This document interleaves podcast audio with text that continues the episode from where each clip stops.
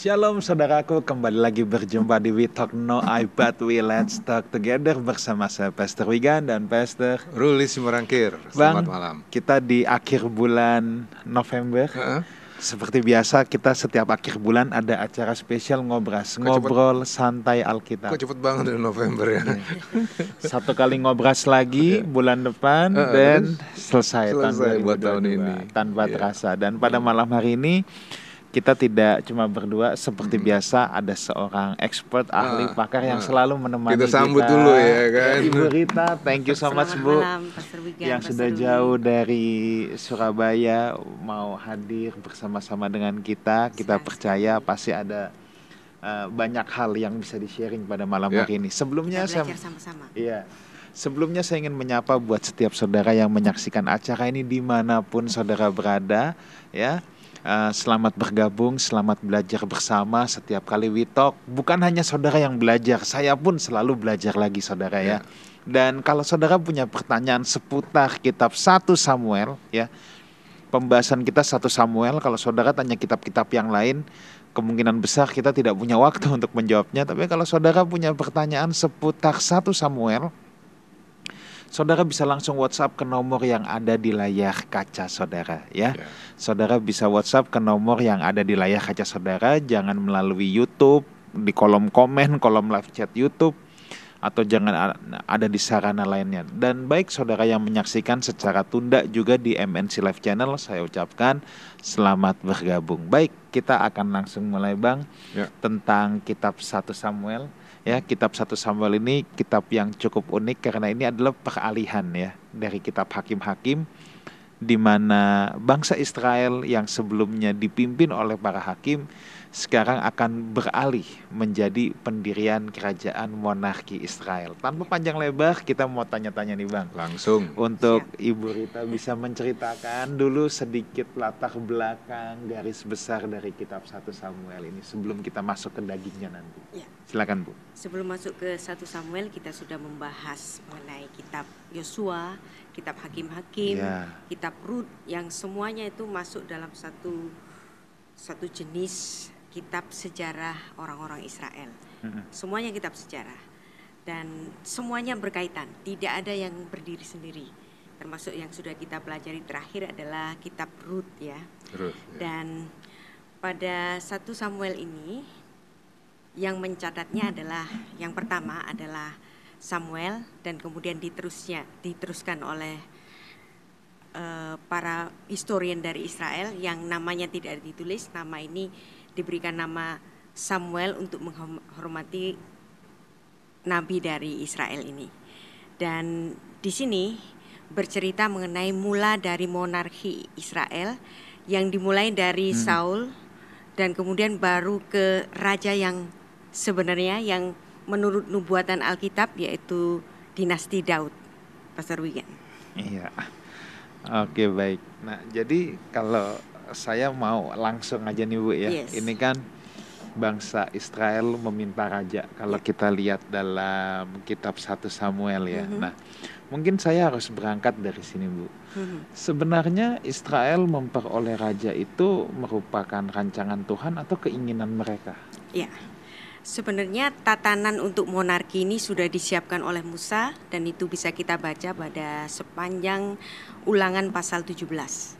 Dan di oke. situ ada beberapa kriteria-kriteria bagaimana seorang raja itu nanti yang di mana raja itu salah satunya dia harus menyalin hukum Taurat bagi dirinya dan ada juga tatanan-tatanan yang lain yang tampaknya hal-hal ini yang dituliskan dalam ulangan pasal 17 ini tidak dilakukan oleh Saul. Tapi sebelum itu, sebelum ke Saul tentu saja ada yang menjadi introduksinya Iya. Jadi dari kepemimpinan hakim-hakim yang hakim-hakim terakhirnya adalah Samuel. Kenapa setelah itu mereka minta raja? Iya. Nah, sebelumnya adalah dipimpin oleh hakim-hakim Israel dan kalau kita balik lagi ke kitab hakim-hakim, Hmm. ada satu ada satu bagian yang sangat menarik yaitu dalam hakim-hakim pasal 19 sampai pasal 21.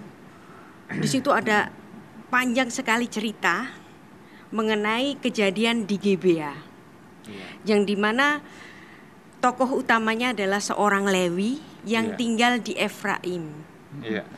Dan di situ orang Lewi ini membawa gundiknya untuk datang ke Gibea lalu menumpang dalam satu, salah satu rumah yang ada di situ dan kemudian orang-orang Gibea itu hendak memakai si laki-laki Lewi ini. Iya. Tapi kemudian tapi kemudian si laki-laki Lewi ini mengajukan gundiknya itu untuk dipakai.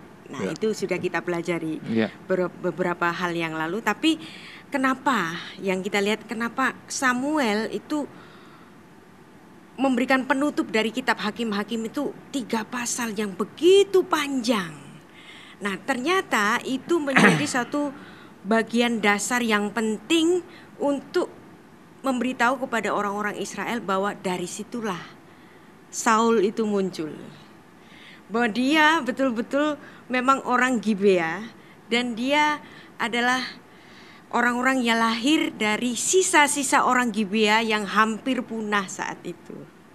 Hmm. Dan bukan kebetulan pula Samuel sendiri adalah golongan Lewi yang tinggal di pegunungan Efraim. Jadi Oke.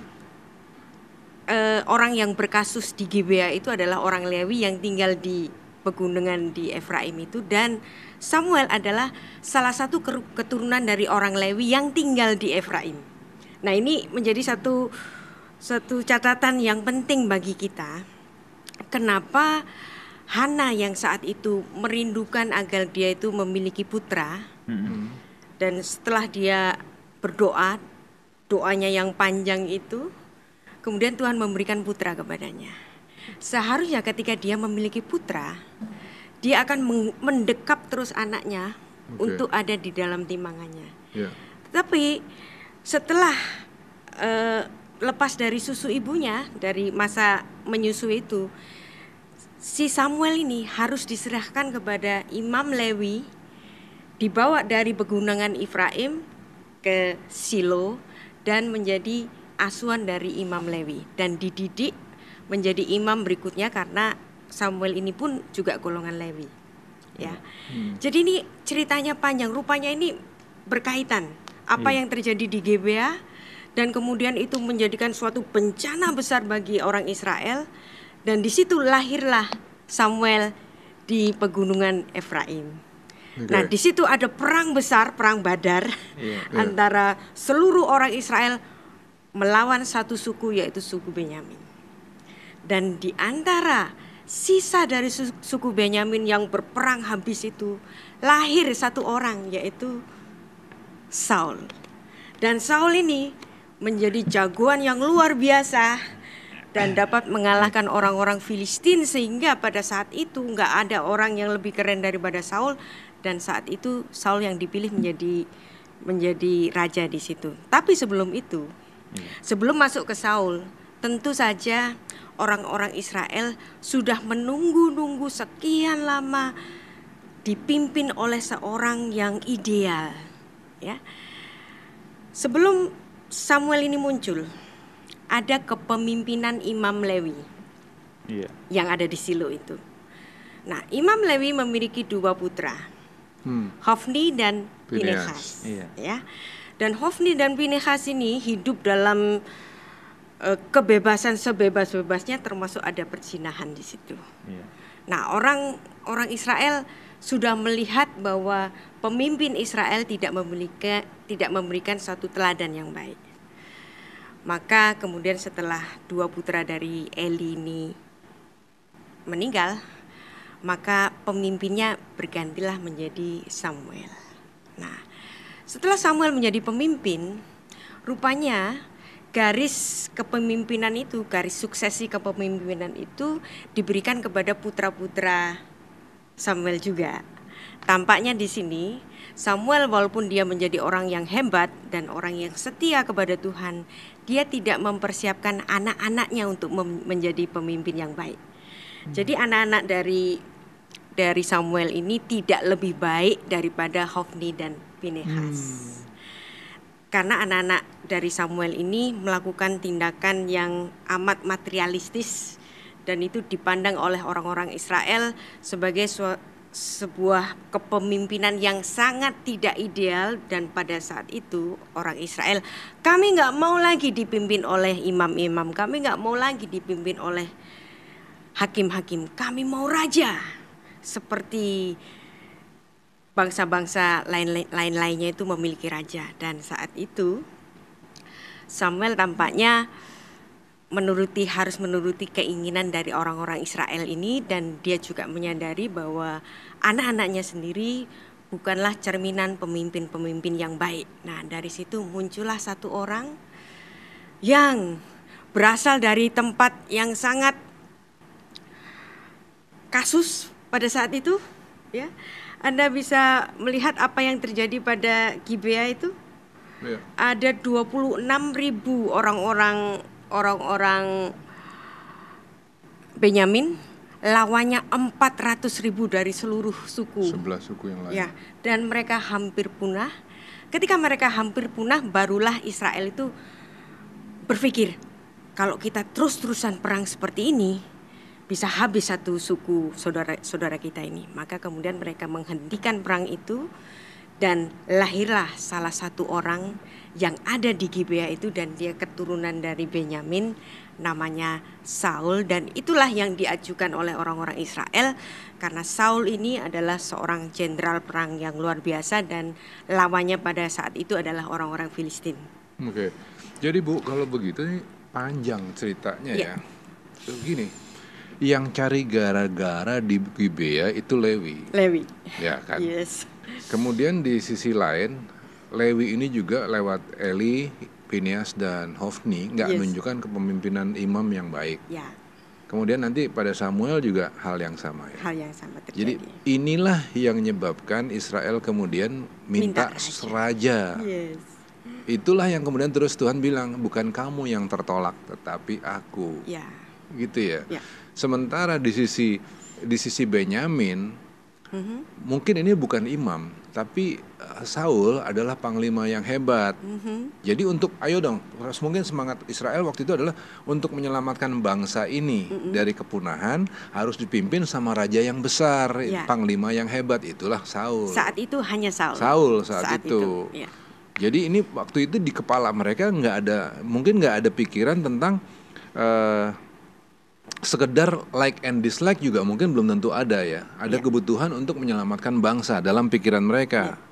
Tapi mereka lupa bahwa Allah memang sebenarnya udah nyiapkan supaya nanti mereka menjadi suatu monarki. Yeah. Tapi dalam rencana Allah, mm-hmm. ya itu tadi ulangan 17 yeah. gitu kan. Nah, nah di sini terjadi pertentangan tarik menariknya di sini. Mm-hmm, Israel karena ada kebutuhan sesaat untuk mm-hmm. menyelamatkan bangsa yang mau punah, mm-hmm. lupa rencana Allah. Yeah dan satu lagi, yeah.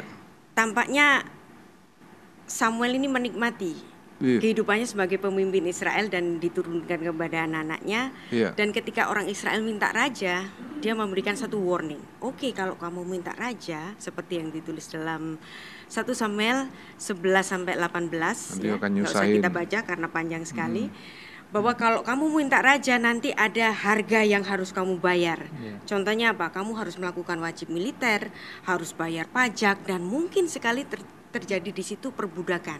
Mm -hmm. Yang sebelumnya itu perbudakan di antara orang Israel mungkin tidak banyak, tetapi nanti mm -hmm. kalau ada monarki pasti ada strata. Mm -hmm. Kamu siap nggak menghadapi hal ini?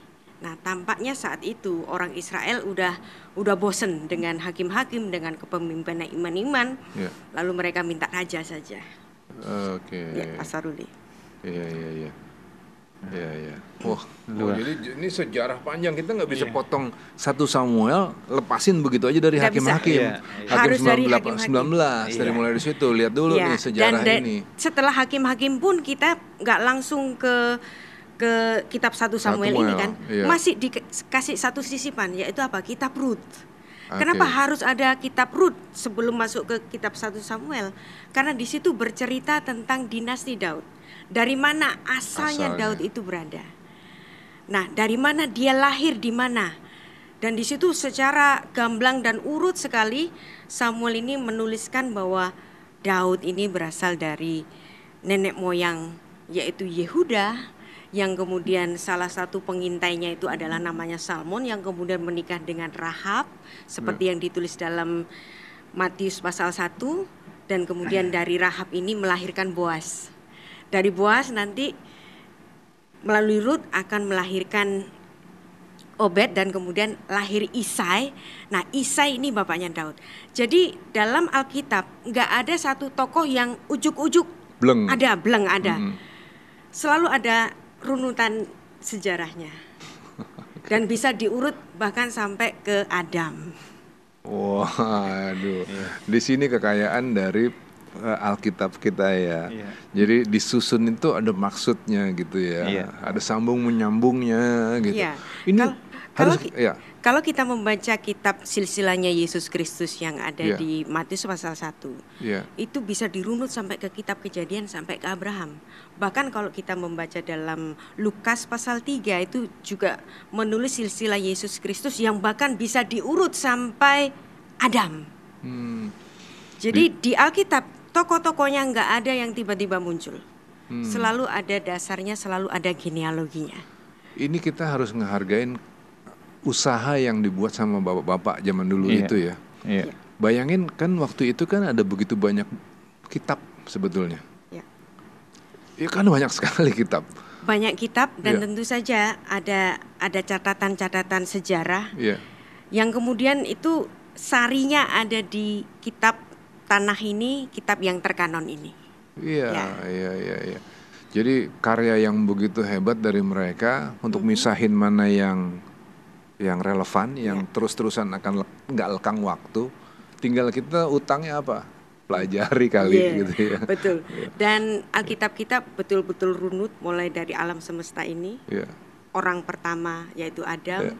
sampai keturunannya dan kemudian lanjut sampai ada bangsa Israel, terus kemudian dari mana raja yang seharusnya dipilih yaitu dari Yehuda dari hmm. Yehuda nanti lahir sang Mesias nanti masuk ke perjanjian baru dan ditutup dengan apa?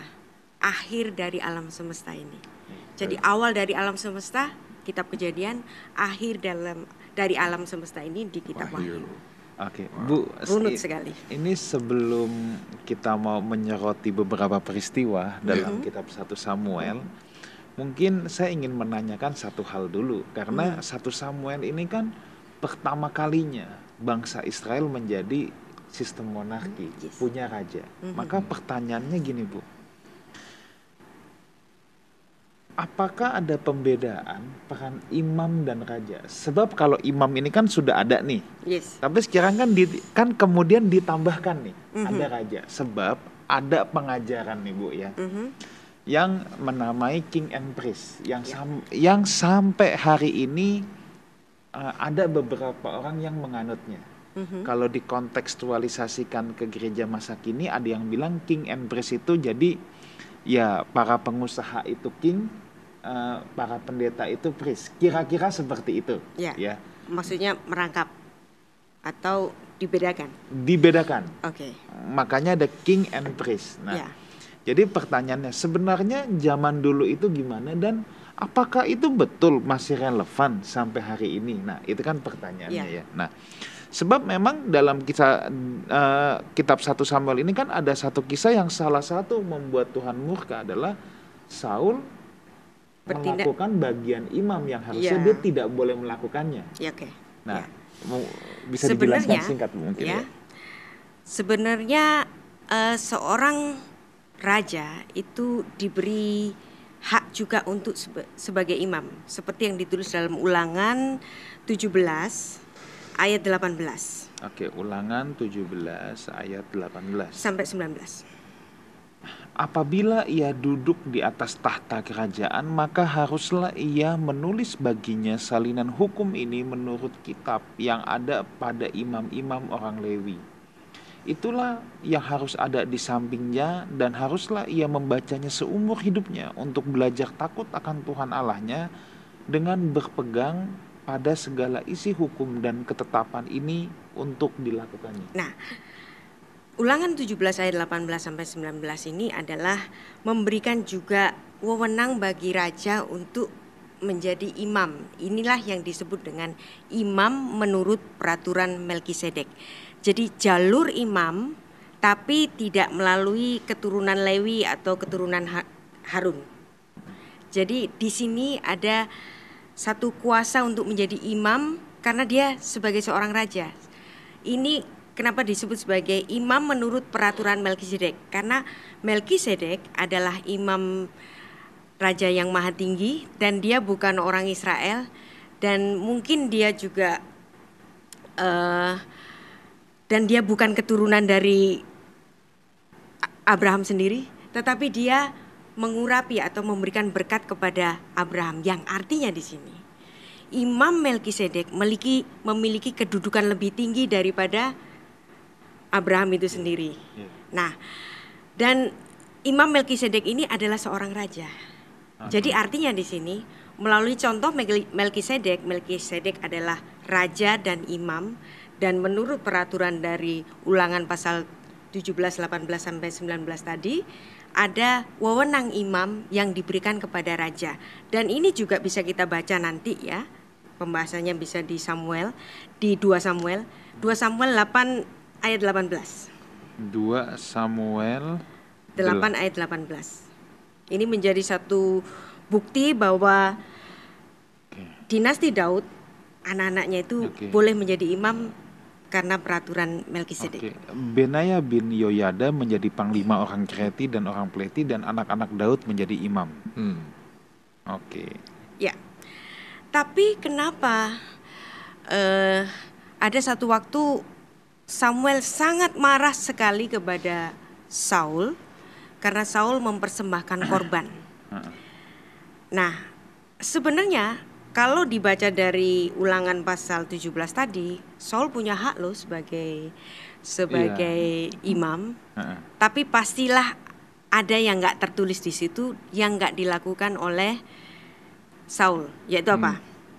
Bahwa dia mungkin belum menyelesaikan bagi dirinya salinan Torah bagi dirinya sendiri itu. Okay. Nah, jadi ini yang nggak nggak dipenuhi atau hal-hal lain tentang keimamatan yang nggak dipenuhi oleh Saul tapi Saulnya itu main cap seruduk aja mempersembahkan korban dan itu dipandang oleh oleh Samuel sebagai menyalahi peraturan sehingga dia tidak setuju ketika Saul itu mempersembahkan korban melalui tangannya sendiri. Jadi bukan sekedar kita nggak bisa bacanya itu sekedar bahwa dia bukan imam terus uh, melakukan pekerjaan bukan. imam. Ya. Dia adalah imam, ya. tapi dia belum menyelesaikan bagian imamnya. Bagian imamnya. Yes. Ya.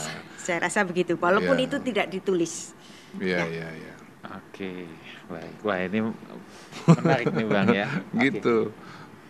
Tapi kalau kita memang melihat dalam satu Petrus 2 ayat yang ke-9 Bu, ya. bahwa orang percaya itu sebenarnya juga dikatakan imamat yang ya, rajawi. Ya. ya. Imamat yang rajani. Jadi sebenarnya memang tidak perlu ada pemisahan ya Bu ya. ya. Antara imam dan raja khususnya untuk umat perjanjian ya. baru. Karena apalagi Yesus Kristus dia adalah Mesias, dia pun menjadi imam besar agung. Ya, menurut peraturan Melkisedek iya. yang ditulis dalam kitab Ibrani kan. Oke. Okay. Ya. Tapi kalau begitu tadi pertanyaannya relevan apa tidak, ya kan? Ya. ya. Kalau misalnya masih dipisahkan, misalnya masih dipisahkan, apakah masih bisa tetap relevan?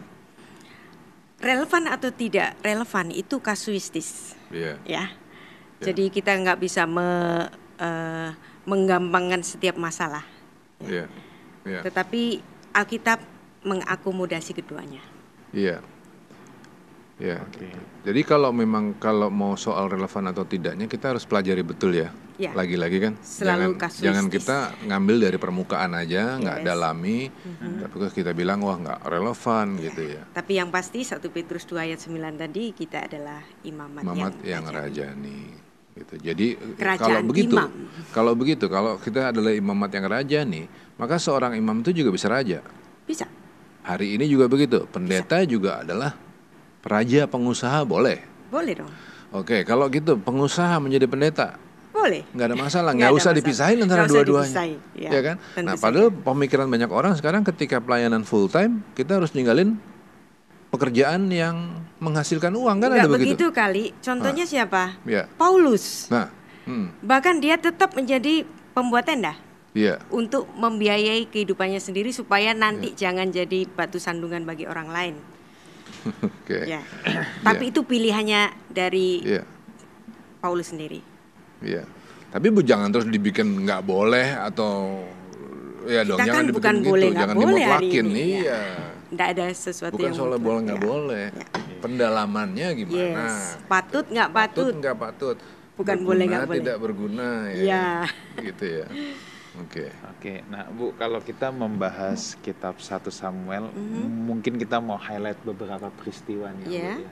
Tentu saja. Highlight beberapa peristiwa yang mungkin yang salah satu peristiwa yang paling terkenal adalah Daud melawan Goliat. Ya. Oke. Okay. Nah, mungkin Ibu bisa kasih insight-insight ya. yang mungkin um, ada insight-insight yang, yang belum kita kebaca lah yeah, gitu ya. Iya, iya, yang iya. unik gitu ya. Sebenarnya kalau kisah mengenai Daud dan Goliat itu sudah kita pelajari bersama itu kisah heroik yang memunculkan orang yang nggak pernah dilihat, yang nggak pernah diperhitungkan dan muncullah dia Daud yang pipinya masih kemerah-merahan yang artinya dia masih sangat muda tapi dia bisa menghabisi musuh yang paling ditakuti di Israel. Hmm. Tapi dari situlah timbul antara konflik Saul terhadap Daud.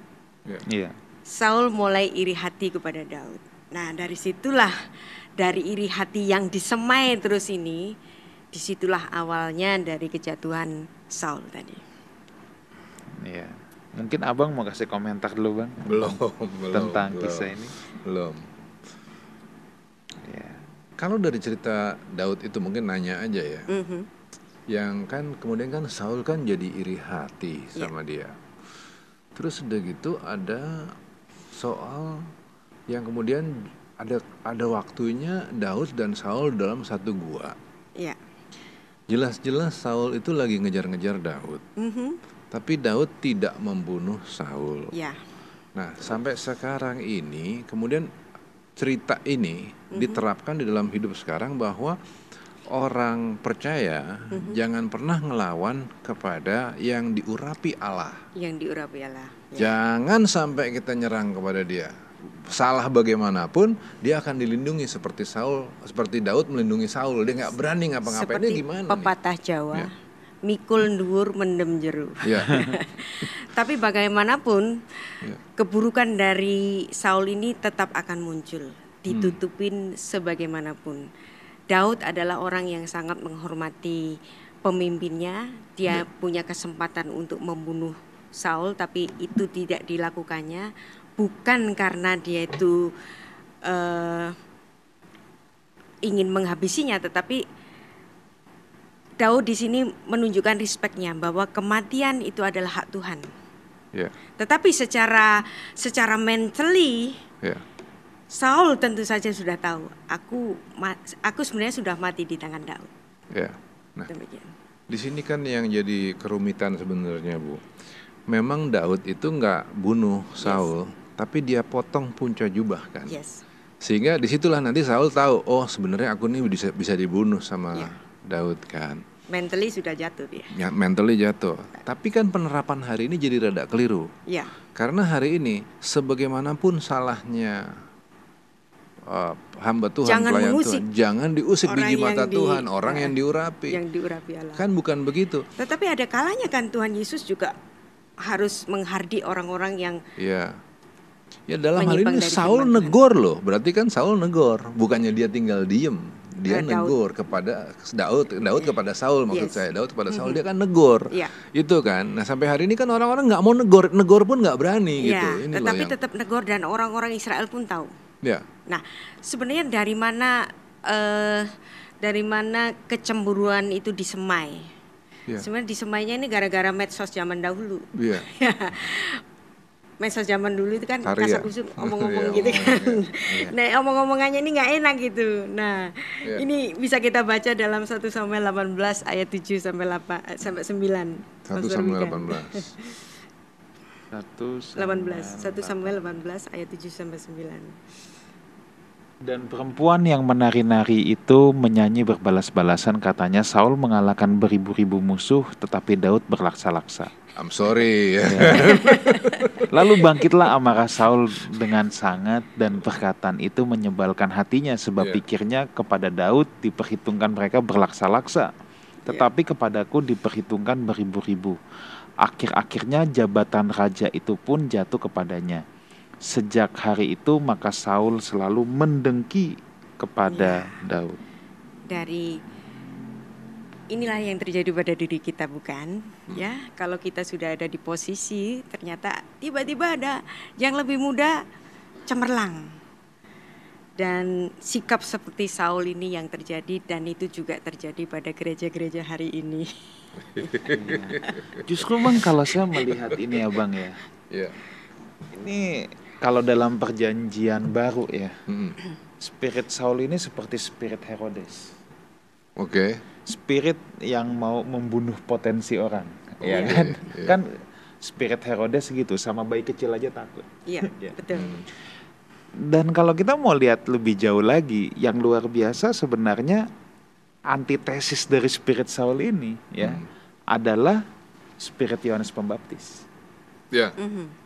yeah ketika murid-muridnya mulai gusar mm-hmm. karena Yesus dan rombongannya mulai membaptis juga yeah. bahkan lebih banyak yang datang ke situ murid-murid Yohanes Pembaptis mulai kasakusukan bilang eh itu kan guru yang baptis kenapa orang jadi pada ke dia sekarang semua kan yeah. nah tapi justru di situ Yohanes Pembaptis bisa berkata aku harus semakin kecil dia yeah, yang semakin besar. besar dan ada statement yang kedua nih yang keren banget Yohanes Pembaptis kan bilang gini, tidak ada seorang pun yang dapat mengambil sesuatu bagi dirinya kalau tidak dikaruniakan surga yes. kepadanya.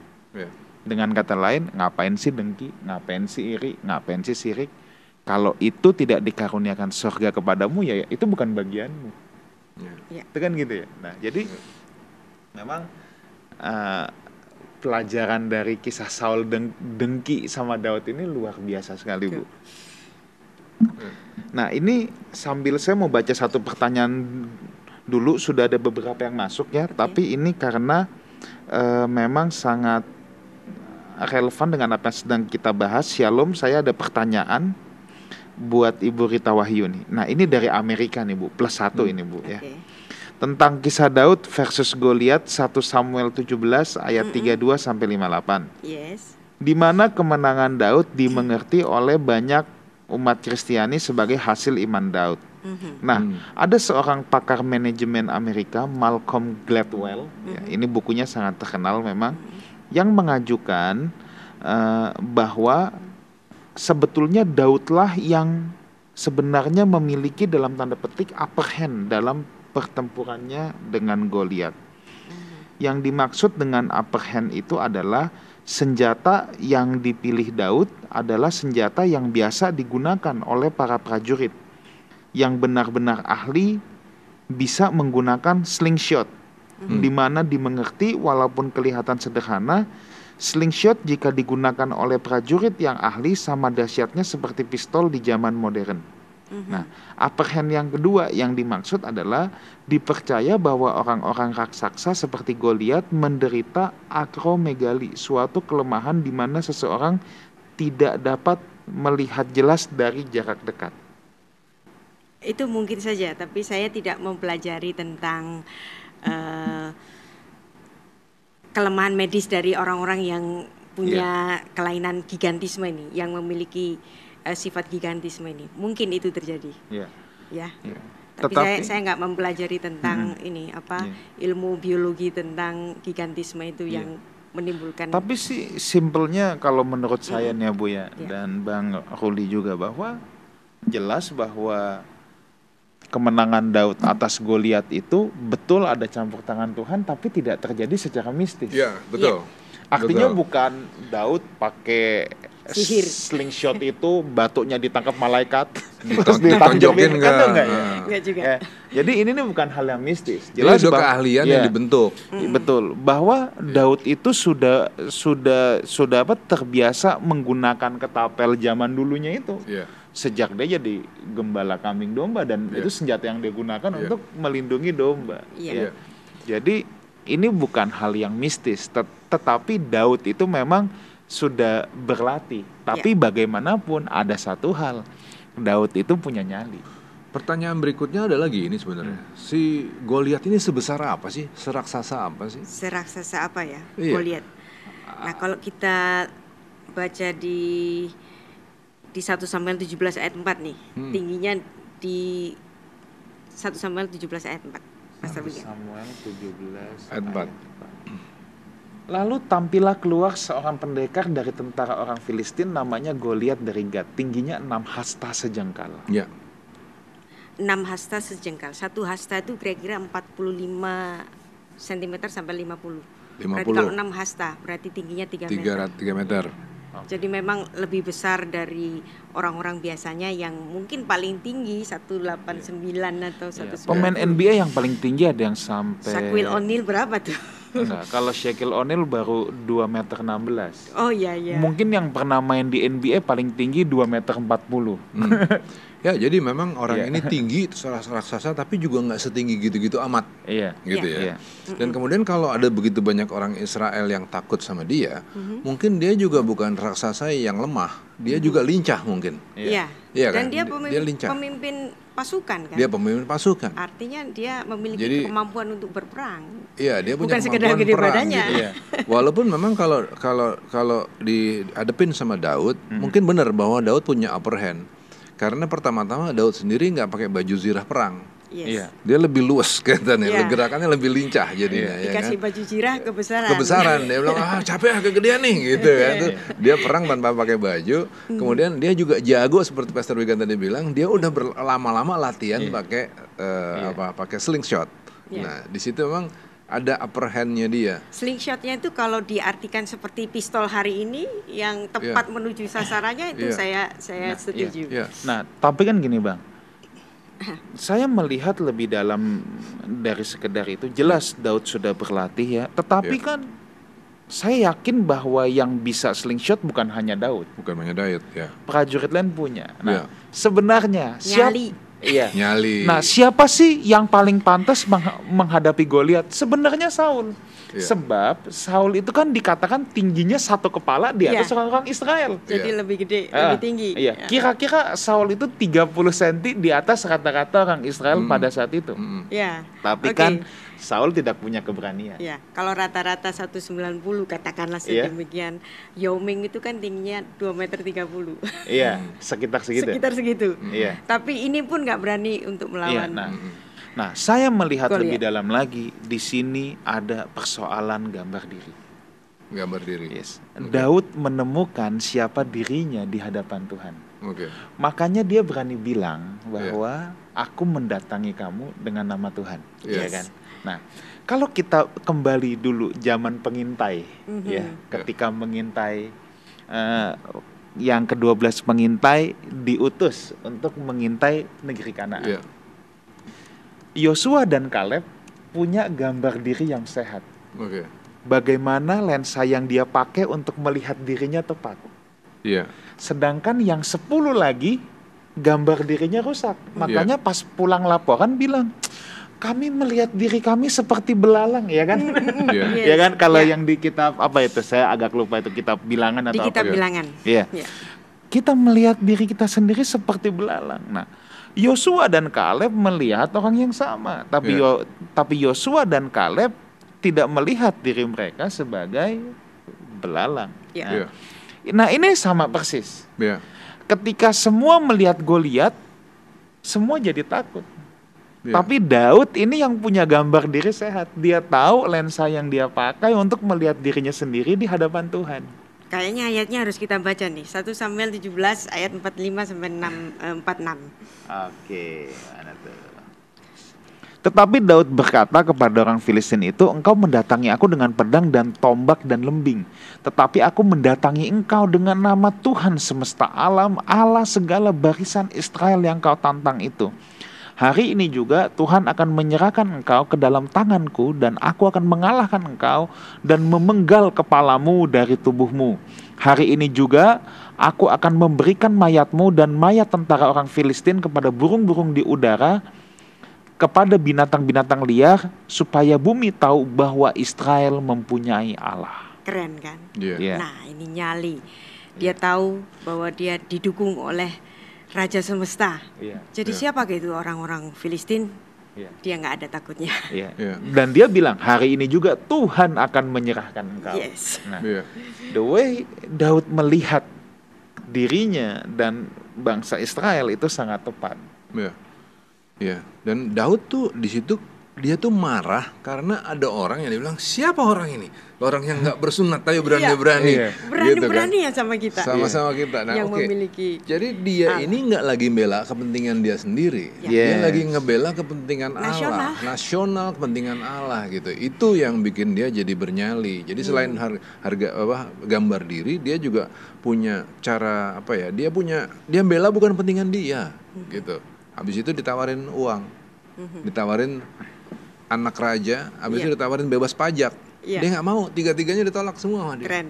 itu kan luar biasa di sini Jadi ini dia sudah memiliki satu keteguhan dan itu ciri khas dari pemimpin. Iya. Iya.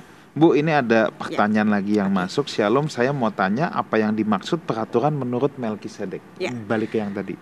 Apa yang dimaksud dengan peraturan menurut Melkisedek? Peraturan menurut Melkisedek adalah garis keimamatan. Kalau kita membaca di sepanjang kitab Torah, dalam kitab Keluaran sama dengan Ulangan, yang menjadi imam adalah khusus orang Lewi dan terlebih khusus lagi adalah keturunan Harun. Ya. Tetapi di sini pada pada ulangan pasal 17 tadi memberikan satu indikasi bahwa pemimpin bangsa yang menjadi raja saat itu dia juga memiliki wewenang sebagai imam. Nah, kok bisa ada imam di luar dari Keturunan Harun. keturunan Lewi itu. Hmm. Nah, ini orang-orang Israel melihat ke belakang bahwa adakah imam yang bukan keturunan Lewi?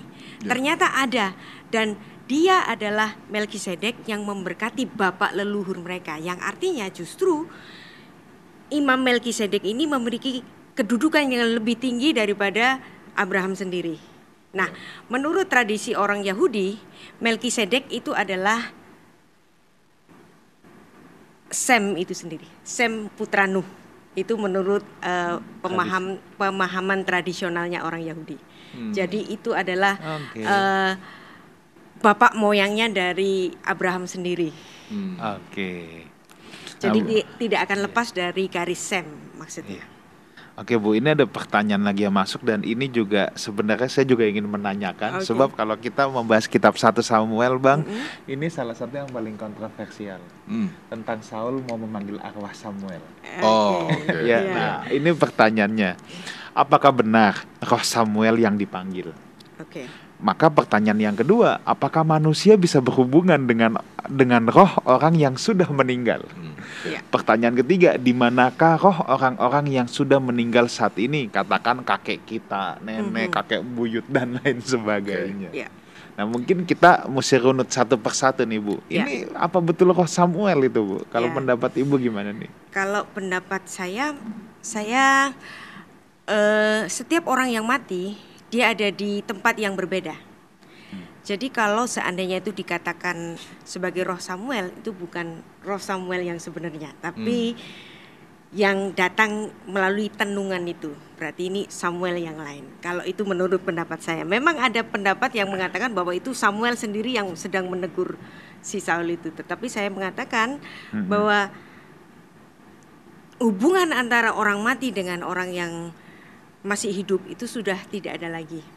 Dan eh, pemanggilan arwah ataupun berhubungan dengan orang-orang yang sudah mati sudah tidak ada lagi. Seharusnya demikian. Ya, Walaupun ada ya. banyak sekali penafsiran-penafsiran ya, tentang pendapat itu. ya. Ya. Hmm.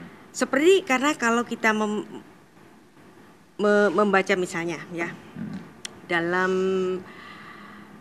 Ibrani 4 ayat 10 Ibrani 4 di situ ayat yang mengindikasikan ke-10 ya. bahwa orang mati berhenti dari semua pekerjaannya. Ibrani 4 ayat yang ke-10. Ke-10. Sebab barang siapa telah masuk ke tempat perhentiannya, ia sendiri telah berhenti dari segala pekerjaannya. sama seperti Allah berhenti dari pekerjaannya. Pada hari Sabat ya. Uh, kita bisa baca juga dalam pengkhotbah 9 ayat 5 sampai 6. Ya kalau sudah mati ya sudah selesai dengan hubungannya dengan dunia ini. Kita hanya bisa mengingat tentang memorinya saja tetapi bukan hubungan antara roh roh kembali. Oke. Karena orang-orang yang hidup tahu bahwa mereka akan mati, tetapi orang yang mati tak tahu apa-apa.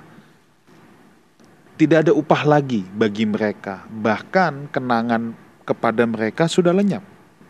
Baik kasih mereka maupun kebencian dan kecemburuan mereka sudah lama hilang. Dan untuk selama-lamanya tak ada lagi bahagian mereka dalam segala sesuatu yang terjadi di bawah matahari.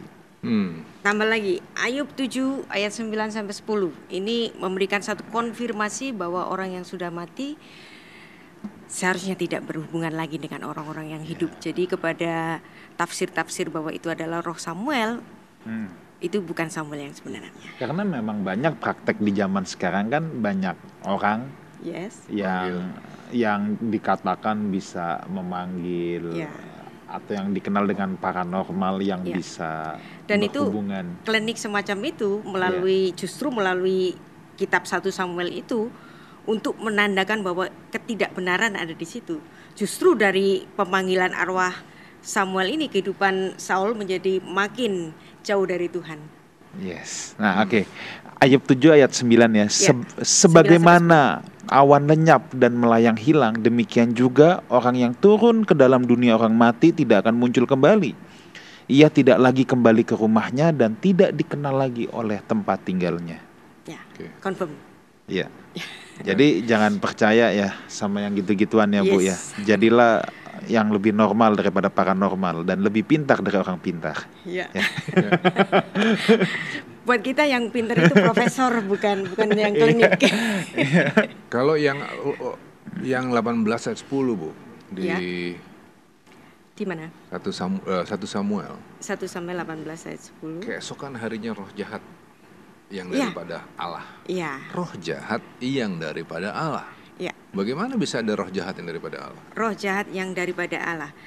Tentu saja roh roh Allah bukan roh jahat. Tetapi yeah. kalau roh jahat yang daripada Allah, yeah. ini artinya roh jahat yang dibiarkan Tuhan untuk menghinggapi Saul itu. Oh, Oke, okay. mungkin di situ ada permainan kata bu yeah. di Ibraninya. Uh, sama saja. Oke. Okay. Unclean Jadi spirit. roh jahat yang daripada Allah tetap sama ya di situnya ya. Tapi artinya adalah bahwa yang diizinkan. Oke, okay. atau ya. saya baca ayatnya ya. ya. ya. 1 Samuel 18 ayat 10 Pastor ya. Wigan. 1 Samuel 18 ayat yang ke-10. Tunggu sebentar. Ini banyak pertanyaan yang masuk terus ini. Tapi ini seru memang. Keesokan harinya roh jahat yang daripada Allah itu berkuasa atas Saul sehingga ia kerasukan di tengah-tengah rumah. Ya. Sedang Daud main kecapi seperti sehari-hari, adapun Saul ada tombak di tangannya. Dan terjemahan ini rupanya nggak salah. Jadi ya. memang demikian bahasa aslinya juga begini. Fayehi mimam khorat fatitslach ruah Elohim Ra'ah El Saul. Hmm. Jadi memang roh jahat yang dari Allah ini dalam artian roh jahat yang dibiarkan oleh Tuhan menghing menghinggapi Saul itu. Jadi demikian uh, terjemahannya sudah benar. Oke. Okay. Oke. Okay. Oke. Okay. Ya, Saya ya. akan meneruskan Tapi ya. ini okay. yang menarik, kita harus baca juga 1 Samuel 16 ayat 14 kenapa ada roh jahat yang dibiarkan oleh Allah, kenapa? 16 ayat 18. 14. Tetapi roh Tuhan telah mundur daripada Saul dan sekarang ia diganggu oleh roh jahat yang daripada Tuhan. Karena roh Allah itu mundur, mundur. maka roh jahat yang menghinggapinya. Iya. Kenapa kok juga ditulis daripada Allah? Karena sepertinya Tuhan sudah membiarkan itu dan uh, yeah. menurut izin Tuhan. Iya, ya. itu dia. Kalau yang saya mau katakan, mungkin kita bisa memahaminya sebagai Tuhan membiarkan atau atas seizin Tuhan. Yes. Oke. Okay. itu diperingatin juga dia. Lalu berkatalah hamba-hamba Saul kepadanya, mm-hmm. ketahuilah roh jahat yang daripada Allah mengganggu engkau. Hati-hati nih. Ya. Ya, ya, ya. Tapi tampaknya dia sudah nggak ya, bisa dinasihati lagi. Iya. Ya. Oke, ini mau tanya juga nih sama Ibu Rita. Samuel yang tidak mempersiapkan anak-anaknya jadi imam mm-hmm. atau anak-anaknya yang tidak taat atau berontak seperti gambaran anak-anak hamba Tuhan zaman now. Oke, kita uh, tidak omongin hamba-hamba Tuhan ya. zaman now ya. Put. Jadi Samuel ini memang tidak mempersiapkan anaknya atau tampaknya kalau dia uh, nggak mempersiapkan anaknya sih enggak ya karena hmm. Uh, mandat Shema itu adalah mandat yang dipegang oleh setiap bapak okay. ya pastilah dia sudah membekali anak-anaknya itu dengan pengetahuan tentang firman tetapi seiring dengan akil baliknya anak-anaknya itu yang di mana anak-anaknya itu sudah dewasa dan bisa menentukan sendiri apa yang dia sukai dan apa yang dia pilih apa yang dia tentukan tampaknya ketika sudah dewasa Samuel itu sudah tidak dapat menguasai anak-anaknya lagi. Hmm. Tapi saya rasa kalau dia mempersiapkan mungkin iya sudah tapi mungkin tidak maksimal itu bisa. Hmm. Alkitab tidak menulis secara jelas tapi yang pasti di situ anak-anaknya melakukan kejahatan yang tidak lebih baik daripada anak-anak Hosni dan Finehas. Iya. Oke. Okay. Oke, nah ini ada pertanyaan lagi. Selamat malam, Pastor. Saya Hidayat. Bertanya, jangan mengusik orang yang diurapi Tuhan. Daud terhadap Saul. Bagaimana dengan arti kata mengusik untuk masa kini? Terima kasih. Nah, mungkin nih. Iya, harus dibahas lebih ini detail. Harus bersama-sama ini jawabnya. Iya. Pada saat apa kita terusik? Hmm. Pada saat kita uh, memiliki suatu kebanggaan dan kemudian kebanggaan itu diraih orang lain. Nah, itu iya. juga terusik.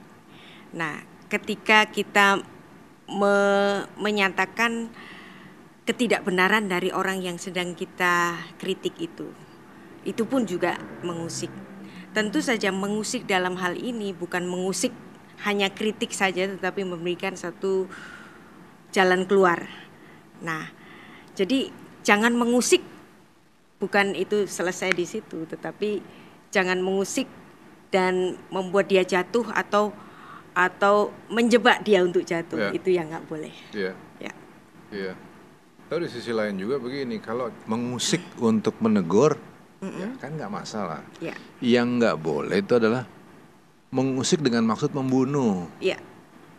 Mengusik dengan maksud untuk menjatuhkan, menjatuhkan supaya mempermalukan, membunuh, ya. mempermalukan ya. gitu kan enggak.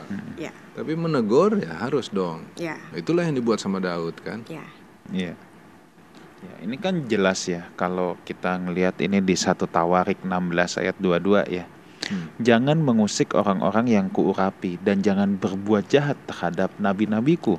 Hmm. Maka dalam konteks ini kan pasti ya betul-betul orang-orang yang diurapi dan orang-orang yang bertindak benar atas nama Tuhan. Yeah. Terus orang mau sengaja berbuat jahat kepada orang-orang itu. Itu yeah. yang tidak nggak boleh. Ya. Yeah. Tetapi kalau apa namanya konteks menegur itu beda dengan mengusik sih menurut saya. Ya tapi kan orang bisa ketika tadi Bu Dita bilang ketika orang ditegur untuk dikasih tahu kesalahannya merasa terusik bisa juga kan? Bisa. Ya. Bisa. Ya, bisa, ya. bisa kan? Tapi nah, maksudnya Nah, mengusik di sini saya artikan menghina. Ya, oke. Okay. Ya ya. menghinanya Kalau maksudnya supaya itu dia jatuh ya. atau mengganggu. Ya. Hmm. Ya. Oke, baik. Bu Rita, mungkin ada yang mau dibicarakan lagi tentang satu Samuel ini? Ya.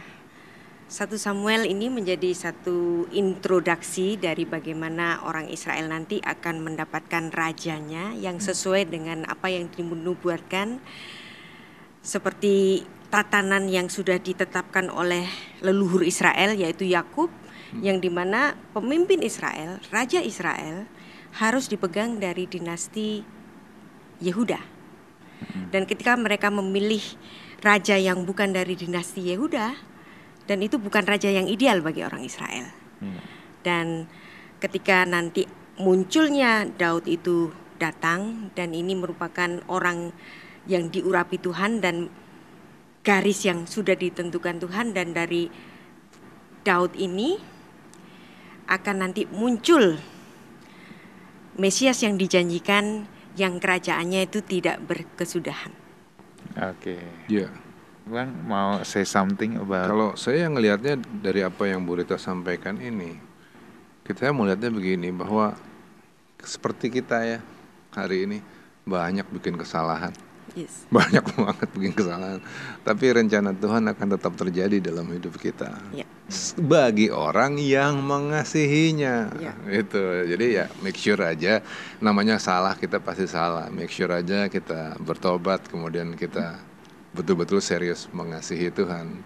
Iya semua kesalahan-kesalahan yang ada di kitab 1 Samuel ini menjadi pembelajaran bagi kita semua. Yeah. Bagaimana orang tua yang tidak mempersiapkan anak-anaknya untuk menjadi pemimpin seperti yes. Samuel tadi dan pemimpin yang tidak mempersiapkan dirinya seperti Saul tadi yeah. dan pemimpin yang mengedepankan Tuhan yaitu Daud.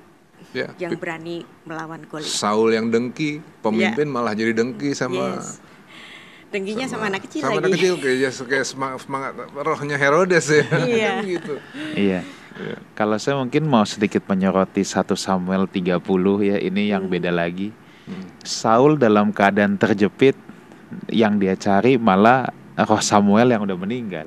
Ya. Hmm. Kalau Daud di titik terendah dalam hidupnya, Alkitab berkata 1 Samuel 30 ayat yang ke-6 saat itu kan uh, istri-istrinya aja udah ditawan, mm-hmm. orang-orang mm. Daud aja mau melempar dia pakai batu, tetapi mm-hmm. di sini dikatakan tetapi Daud menguatkan kepercayaannya kepada Tuhan. Nah, jadi uh, Daud itu tahu banget prinsip hidup orang benar itu inside out ya. Kita itu harus dari dalam keluar. Jadi uh, dalamnya kita yang harus kuat, dalamnya kita yang harus realitas yang ada dalam diri kita itu yang harus kuat ya. Uh, kita tidak ditentukan oleh apa yang terjadi di luar kita, tetapi kita sangat ditentukan oleh apakah kebenaran Tuhan ada di dalam diri kita. Bu Rita, thank you so much buat malam Sama-sama. hari ini. Tuhan berkati, Pastor Wigan, yeah, Pastor Thank you so much, kita diberkati banget. Saudara, minggu depan ya, minggu depan kita akan ada live we talk juga bersama Pastor Jimmy Setiawan ya. Pastor Jimmy Setiawan ini seorang hamba Tuhan yang diurapi Tuhan nih Bang, dia bergerak di bidang worship. Oke. Okay. Ya. Uh, beliau ini sekolahnya kalau saya tidak salah di sekolah reform, kalau saya tidak salah ya. Hmm.